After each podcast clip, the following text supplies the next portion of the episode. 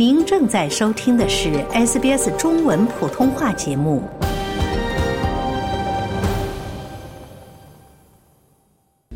从法律角度看待社会现象，以专家意见指点生活迷津。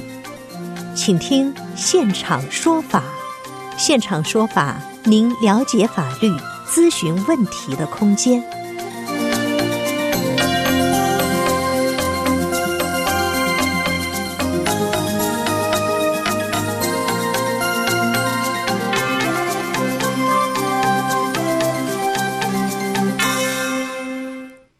好，欢迎您继续收听 SBS 普通话为您带来的现场说法听众热线节目。在本期节目中呢，我们邀请摩托车律师事务所首席律师郑伟俊和您聊一聊四九一签证转一九一永居签证的话题。欢迎听众朋友拨打热线电话一三零零七九九三二三一三零零七九九三二三参与节目咨询法律和移民签证问题。首先来连线本期节目嘉宾郑律师，您早。喂，你好。非常谢谢郑律师做客我们的节目哈。郑律师，我们知道哈，从二零一九年十一月十六号开始呢，澳洲是正式实施四九一签证哈，现在是将满三年了。那么即将于这个四九一签证持有者呢，将申请这个一九一签证哈。能首先请您简单介绍一下四九一签证和一九一签证吗？啊，可以的。呃，四九一签证就是一个五年的临时签证，那就是允许那个申请人在某一个呃偏远地区那一边去居住，然后工作。啊，那如果要获得这个签证的话，先需要呃符合简单的呃英语测试跟那个移民分数。啊，可是最主要的就是需要那个州。政府那一边，或者是住在那一偏远地区的那个亲戚，给他做出一个担保，啊，那做出这个担保之后，呃，就开始居住这个偏远地区，呃，至少三年。如果是符合这个呃报税的薪资的那个要求的话。啊，那三年之后就可以申请卷到那个一九一签证。那那个一九一就是那个永久的那个签证。可是，呃，是获得这个签证之后，还是需要继续住在这个偏远地区，呃，至少两年的期间。嗯，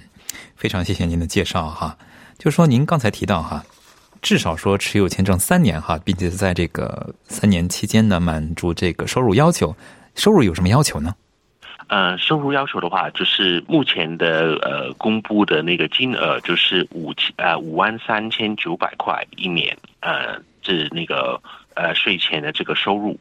啊，那这个呃金额的话是之后是会按照这呃这经济来去做一个呃调整的，所以应该是会每年都会比较呃高，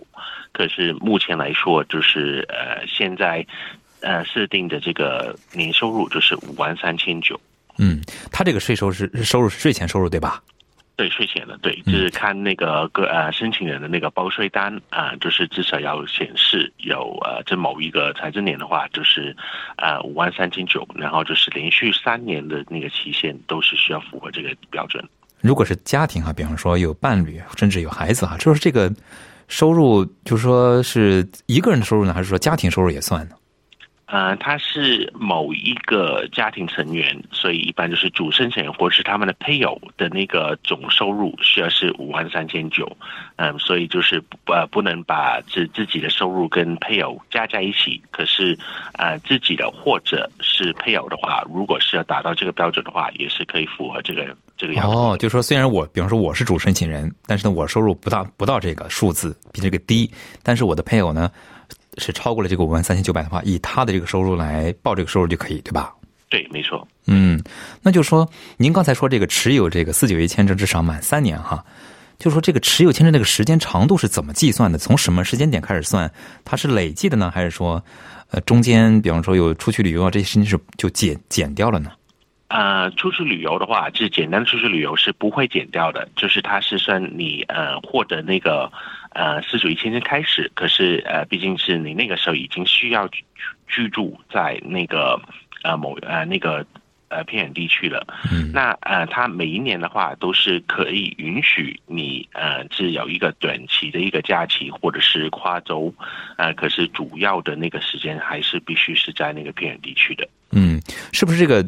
计算的时间点，就是说拿到签证就开始计算了呢？对，拿到签证开始计算。嗯，就说申请人是否就是说一定要是在这个被担保的这个州的偏远地区生活呢？啊、必须的，对，这个是那个州担州政府担保的那个呃呃要求之一。呃，那有一些的话，可能是呃，如果要获得这个担保的话，他们可能是对于呃居住或者是工作的那个标准会比较高。所以我刚刚说的这些的话，就是移民局对于这个四九一跟一九一签证的这个需求，啊、基本可是基本要求。基本要求对，可是每一个州政府他们提出担保的这个条件，可能还是会有一些不一样的，这那个呃难度或者是那个要求可能会更高。每个州不一样的话，需要具体看条款哈。就是说，嗯，请您给我们简单介绍一下，就是说需要这个持有这个四九一签证的这个人哈，需要他们需要特别注意，就是这个签证的哪些条款呢？就是特别容易，比方说哪些条款容易被违反掉的？呃，获得那个呃签证之后，一般就是有四个主要条款。那嗯第一个的话，就是他们的那个呃联系方式或者是个人信息跟护照号码之类的，呃，需要如果是有呃变更的话，需要十四天之内呃主动告呃告知移民局。嗯啊、然后呃，这另外一个就是八五七九的那个条件，就是你必须要住在指定的那个偏远地区，那在那边工作以及生活。呃，然后就是呃，八五八零的话，就是如果移民局要求的话，必须要在二十天之二十八天之内，呃，向移民局提供他们所要求的那个材料。嗯。呃，然后最后的话就是呃，因为他们在偏远地区是一个呃，是政府想要去吸引呃，这移呃移民去一些偏远地区的一些地方，然后看看他这个签证有没有呃这个效力，所以就是这呃，自从政治那方面都会要求，如果移民局有提出那个调查的那个问卷的话，那也是需要呃及时提供给移民局，或者是如果啊有呃面试的那个要求的话，那也是必须要参加的。嗯，要时刻留意移民局的信息和这个信件哈。对非常感谢郑律师给我们介绍。听众朋友，您正在收听的是 SBS 普通话为您带来的现场说法听众热线节目。刚才呢，郑伟军律师和您聊了聊四九一签证转一九一永居签证的话题。欢迎您继续拨打热线电话一三零零七九九三二三参与节目咨询法律和移民签证问题。接下来我们来接听听众电话，这位是 Angela，Angela 您好，哎，主任早上好，律师早上好。你好哎，我想问一下签关于一个签嗯担保的一个签证，我想问一下，作为一名发型师，可以做那个独立技术移民吗？啊，作为什么？不好意思，那您刚刚那个呃问题是作为一个什么职业可以做独立技术移民来着？Angela，发型师，发型师是吗？嗯发啊发型，发型师哦，发型师，对啊、发型师发型师就是嗯、相当于是理发师、发型师对吧？哦，OK 啊，这对就是啊啊，目前呃发型师是不在那个呃是可以单独移民的那个职业名单上面，这据我所知。嗯，是那个呃职业名单的话，会一直在那个呃移民局公布的那个网站那边去做一个更新。那移民局那个网站，它主要是有分两个类别的那个职业名单，一个是短期短缺的，一个是中长期短缺的一个名单。那如果是要呃独立申请移民的话，啊、你那个职位呃必须要在那个中长期这个名单上面。呃，可是这你到那个网站，你把你的职业打呃这输入进去的话，嗯，它那个会出一个列表出来说，你按照这个职业，你是可以申到申请到什么样的签证？有些会写独立呃技术移民，有些就是雇主担保，有些就是工作签证而已，有些就是偏远地区。所以这个的话，就是呃针对呃每个职业跟每个地方。嗯 OK，那我想问一下，就是作为嗯法郎每嗯就是法郎嘛，就是说如果想做雇主担保的话，那需这个法郎需要什么条件可以担保这个发型师？嗯嗯，法法郎或者是一个呃雇主的话，这整体的是雇主的话，对，他只需要去证明呃给移民局看，说他是正常营业的一个澳洲纳税公司，那就已经可以获得一这个呃雇主担保的这个资格了。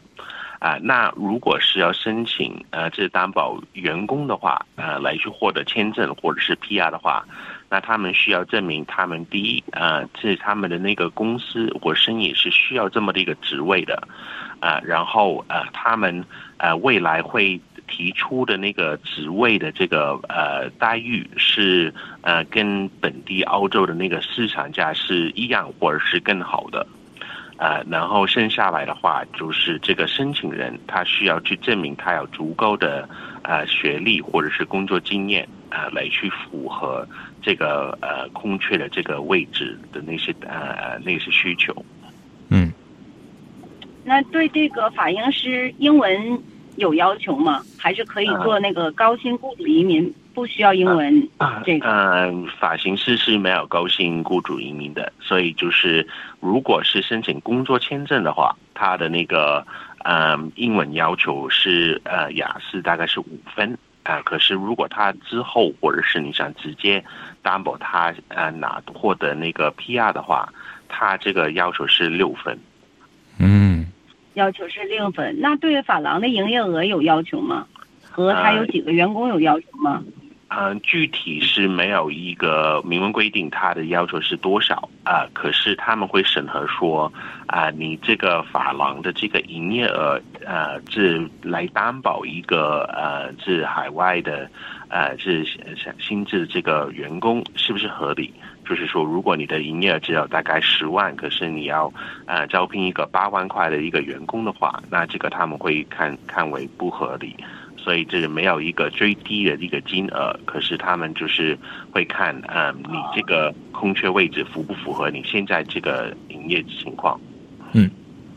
哦，是根据这个。那我就是说，那如果就是说这个员工是本身现在在工作，或者是说从海外招聘的条件是一样的吗？就是说我打算从海外招聘过来，就是担保过来，那个是一样的吗？啊、对，这那个要求基本上都是一样的，呃，可是就是如果在海外的话，对于他的那个学历的那个审核的那个要求，可能就会高一些。如果他不是拿到澳洲本地的那个文凭的话，哦，他如果要是没有澳洲本地的 certificate 那个，一定是在海外也有更高的相关美发学历，对吗？对对对，就是他要呃，就确认他在海外拿到的那个文凭是是呃跟澳洲是相应的或者是认可的。嗯那我首先做这个担保，就是担保这个员工，他是首先拿到的是工作签证，对吧？大概是几年，然后可以转 PR 呢？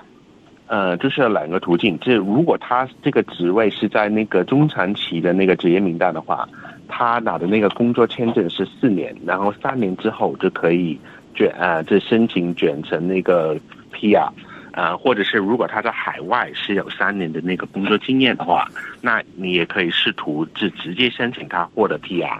呃，可是对啊，这这个主要是看那个发型师是是在那个中长期的职业名单上面。OK，那嗯，好的，谢谢，谢谢好嘞，张律师，谢谢安志兰，祝您顺利。接听下面一位听众，这位是李先生，李李先生您好，你好，哎，您请讲，李先生。哎，你好，郑律师好，主持人好。你好呃，我我有一个移民的房产问题，想咨询一下。呃，因为在呃三四年前吧，那么我们退休了，那准备到澳洲来呃帮助小孩在这来，呃，因为小孩在这已经定居了嘛，所以呢，我们就想在这买一套房子。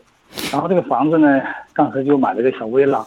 呃，买了威朗以后呢，呃，律师就跟我们说说您开始买时候我们不知道，后来就说你要来住满两百天，要否则你要交税。后来呢，我们就急急忙忙的就跑来了，那个时候又开 COVID，所以现在呢，我的问题是这样，就是说，呃，因为我们毕竟是在国内呃退休的嘛，因为我们想每年呢，呃，想想回去，嗯，就来回跑吧，来回住吧啊，呃，所以呢，我就想，就是说我听有的朋友讲呢，说这个房子呢，虽然我们有我们已经有 PR 了哈，但是呢，你每年呢你必须得住满两百天，否则的话呢，他要交税。所以这个我一直搞不懂哈，呃，是交什么税？是空置税啊，还是什么土地什么附加费？因为我那是个小微了啊，也没有什么土地啊，嗯，所以我也搞不清楚这个这个问题。我想请问一下律师呢，我这个是不是要交税的？因为每年都要这么跑，你看这次 COVID，我们一住就住了两年多了，嗯，那么我们回去有可能嗯住上个一两百天，那不就是一年就呃在这住不了两百天了吗？那我是不是需要呃在这要交税呢？另外交多少税呢？如果要交的话，嗯呃，如果嗯这你是呃把你现在这个 villa 是列为一个自住房的话，你是可以获得一些呃某一些税务上的这个优惠的，啊，可是如果你是呃这如果你一年没有居住超过一半的那个时间的话，那呃这你就。呃，这从税务的角度来说，有很多那个税务的那个减免都是申请不掉的，因为你就没有把它当为你这主要居住的那个地方。呃，就算你的那个呃这住的那个地方是在海外，嗯，所以这个的话就是需要跟你的那个这包税的那个会计去确认呃确认一下。啊，可是如呃按按照现在的那个呃这税务法来说，如果呃你没有居住在在你的那个自住房，而且呃是没有呃出租出去的话，就是呃会有一个空房的一个税。那这个空房的这个税是按照你这个房子的那个价格来去定的一个百分比。呃，然后呃，第二个税的话，可能你会被牵连的话，就是地税。呃，地税的话也是，如果你是自住房的话，也是不需要去支付这个地税的。可是你一旦是没有自己居住啊，也没有出租出去的话，或者是会被呃列为一个非自住房的话，那就是每一年也是需要去付一个呃地税的。那那个地税的这个金额呃会呃是看呃你是不是居住在澳洲或者是在海外，嗯都会有一个不一样的这个呃一个税收，都是按照房产的这个百分比来去计算的。所以，如果你是回国之前，最好是跟你的那个呃会计那一边去确认一下，就是说你能呃居住多久，呃这才不会呃引起这个呃海外跟那个空房率的那个税收。嗯，因为我问了，我咨询了一下那个房产中介哈，房产中介跟我说，呃，因为我只有这一套自住房啊，是我夫人的名字买下来的，呃，他说呢，一般来讲是没有不应该再交税的，他说他认为没有，因为我有 PR 嘛。所以刚才您说这个还是还是得交是吧？这这这交的一种是是一种空值空值的税是吧？因为未来没有土地对吧？没有土地对对对，就是它它是这比如说地税的话，它是按照你房产的那个价格，如果是超过的某一个额度的话，才需要去支付的。嗯，所以这嗯这些的话就是呃对是。按照你的那个呃个人房子的那个情况来呃来定的，这很多，比如说公寓的话，因为它的那个呃税务局的那个制定的那个呃制那个价值的话，都不会超过嗯不是五六十万，所以的话就是怎么样都不需要付地税的，所以就是可是你呃 villa 的话，如果是独立的话，它可能那个地地税的那个金额就是会比较高，所以这样子的话可能就会有这些税收，所以就是具体的话呃还是需要。确认才才离开澳洲，它是土地税还是空置税呢？是两种税还是一种？两两啊，这个是两种税，一个是土地税，一个是空置税，都有。哦，OK，哦，那您您说那意思就是说，空置税，呃，我不管是有没有 PR，反正你在这儿必须每年要住满一半时间，如果不住满一半时间的话，就必须交这个控制税，是吗？啊，对，就是那个呃，两两两种税都其实都是都是一样，两种都是都一样，对，因为因为我是。薇拉，薇拉是我他说意思就是说，因为是没有什么土因为，薇拉是连排的，不是说那种独立薇拉，所以说这个薇拉土地税可能就不一定有，但是控制税，您说的意思一定会有是吧？嗯嗯，对的对的，所以就是看你的那个。呃，是呃，税务会计怎么样去帮你去报这个税？呃，如果你是呃临时去回回回去的话，或者是你有一个指定一个时间，可是你是可以跨过两个财政年的话，你就可能可以避免掉这个税。可是就是最好是确认一下，对啊，这如果你每一个财政年都是只居住一百天而已，可是你总共是两百天都是在国内，可是你跨了两个一个财政年的话，你可能可以省掉这些税。嗯，哦哦，好的，好的，好的，十分感谢，谢谢李先生，祝您顺利哈，跟自己的会计师自己确认一下。那么接下来我们接听下面一位听众，这位是马先生，马先生您好。啊，我接个电话。哎，马先生您好。喂。哎，您好，您请讲。您好，你好。哎，对我两我两个问题。呃，第一个问题就是说，我是新西兰护照，在那个澳洲已经居住了十年，然后现在是在申请澳洲 PR 的等待期间。这种情况离境需不需要签一个过桥签币？这第一个问题。第二个问题，如果说回国的话，是新西兰护照回中国，这个办中国的签证和这个呃办理这个过桥签证，哪个哪个是先，哪个是后？啊，这两个问题，谢谢。好，呃，有关第一个问题的话，就是因为新西兰护照是可以自由出入澳洲的境的，所以你如果现在离境的话，是不需要申请这个过桥 B 签证的。你可以用。现在我的情况是说，其我现在是在申请澳洲 PR 的等待期间。对，这这这种情况需不离境需不需要签那过桥也也也不需要的，你还是可以用你的新西兰护照出入境的。这回来回来的话，也是可以呃无限期的导留在澳洲嘛，所以是不需要申请这额外申请这个过桥签的。呃，但是移民局给我们的这个 email 那个回信资料里边是有这么一个项，他把这新来护照申请澳洲 PR 呢归到幺八九类独立技术移民，然后呢这种情况离境也需要申请过桥签 B B V B，所以说我就不确认这是什么情况。嗯，这你用你新疆护照的话，你离境之后，你回来的话，你呃其实可以就读这。如果你想要维持这个过桥签证的话，你是可以回来的时候，嗯，申请这个呃回复这个过桥 A 类签证的啊，所以就不需要花钱去申请过桥 B 类。对，嗯嗯，好的，谢谢。然后第二个问题就是说，啊，那就不存在这个先后顺序问题，嗯。嗯，对对，就就是就对，所以就是你呃拿着护呃拿着签证回回回国再回来的话都不会有影响的，对，嗯，好的，好嘞，明白明白，谢谢马先生的咨询，祝您顺利。接下来接听听众电话，这位是麦克太太是吧？啊，对。好嘞，麦克太太您先讲。哎，呃，你好，你好，呃，曾律师你好，啊，我想呃，请问一下这个呃那个照顾者这个这个签证。可以申请那个地息过来吗？嗯，是可以的。嗯，是那个叫呃，是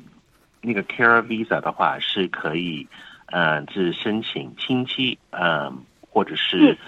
弟弟弟弟的的老婆。对对，所有亲戚的话都是可以申请到这个签证的。哦，对，这不管这你呃，这只要是你需要证明说。呃，首先就是呃，那个被照顾呃者的那个家人，这澳洲这这边的那些家人都没有能力或者是时间去照顾他，然后通过澳洲的这个呃，是提供的这些呃政府服务跟机构也是不适合呃去照顾呃这个备受照顾的这个人。嗯，然后就是可以指定，呃，这另外一方就是弟媳或者是呃别人合适人都可以的，主要是要证明说，啊，这如果是选这个弟媳的话，那就是要证明说为什么这个弟媳有这个能力啊，跟跟有这个，呃，是有这个经验来去照顾这位老，呃，这位老人家。哦。啊，郑律师，你你你你可以把你的电话给我吗？呃，我们不方便在节目中去提供律师的电话跟联系方式哈，非常欢迎您在这个节目后呢自己来去搜索一下。谢谢麦克太太，祝您顺利。接下来我们接听下面一位听众，再尝试一下接一下曾先生。曾先生您好，那我们来尝试接听下面一位，这位是李先生您好。呃，您好，是我吗？您请讲，是您。呃。呃，我问一下，就是这个一四三类父母移民啊，现在审批到什么时哪一年申请的？呃，现在呃，我一呃，这我们这边看的话，应该是大概一八年的年底左右。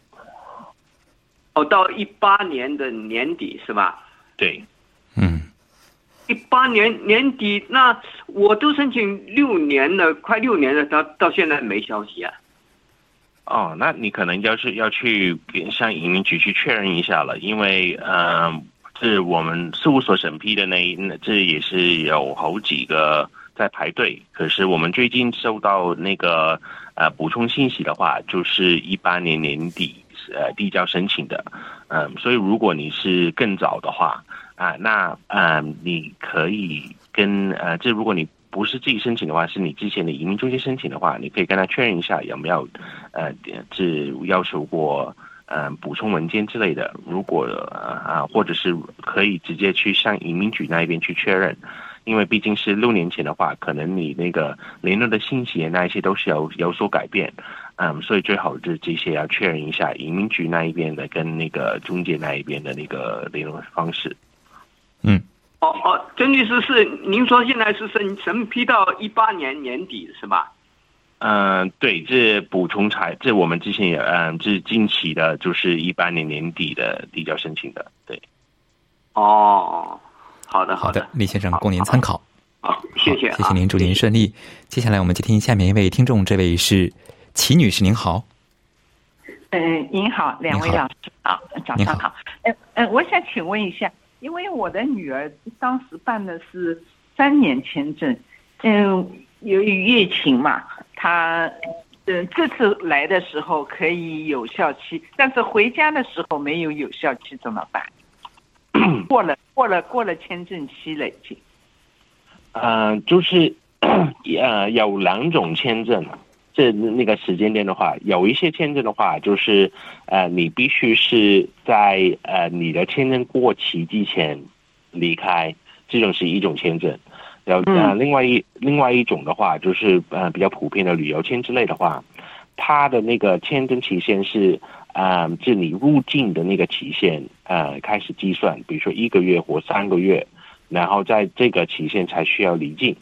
所以你需要去确认你是哪一种签证，然后呃，这你女儿是否已经过呃，这呃导流过期了啊？或者是如果按照我第二种说法的话，其实她的那个签证是还没有啊，还没有过期的。那如果是过期了的话啊，那啊，这本来是有一些疫情签证、临时疫情签证是可以合法导留在澳洲的。如果那些都没有申请，而且新过期的话。那就是需要跟呃，这不然的话，就是马上跟呃，这马上呃就回国的安排，或者是如果呃短期之内也回不去的话，那就是嗯需要去申请呃一个过桥，或者是那个疫情签证导留在这边。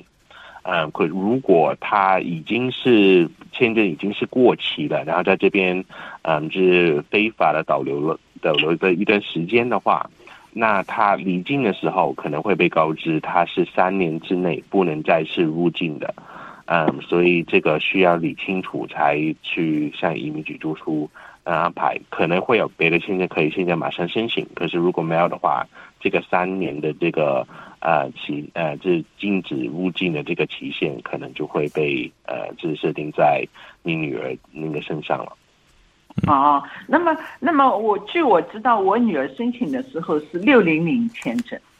嗯，OK，那六零零签证一般都是对，这它是，嗯，这它签证的那个期间，嗯，是有一个固定的，然后你在这个期间里面入境的话，就呃就是可以的。你一旦入境的话，他就会说你是可以从那一天开始保留一个月或三个月或六个月。嗯，就算是过了原始的那个签证日期的话，如果是在那个期间之内，那还是可以的。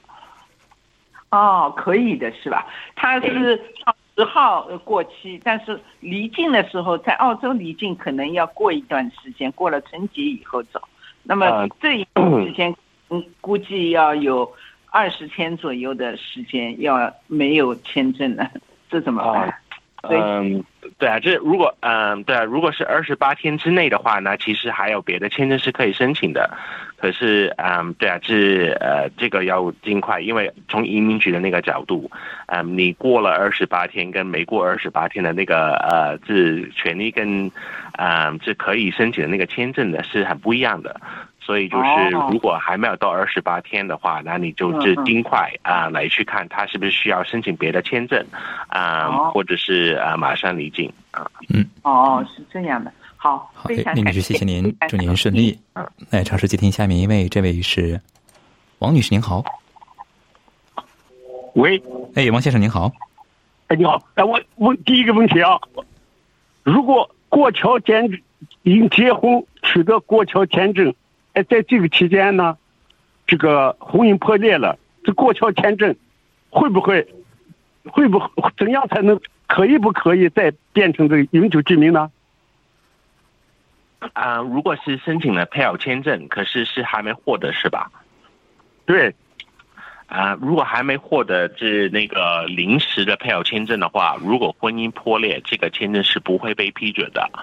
啊、如果你已经获得一个临时的配偶签证，你只是卷到那个永居的时候，呃，中间如果是婚姻破裂的话，那有一些情况之下是可以申请得到的。可是如果临时签证的临时的那个配偶签证还没获得的话，那是肯定是不行的。好嘞，由于时间关系，就不得不打断两位了。非常感谢郑律师做客今天的现场说法节目。因个人情况因人而异，法律问题复杂，本节目仅供一般性参考。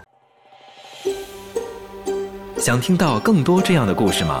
您可以通过苹果播客、谷歌播客、Spotify 或者您喜爱的方式下载收听。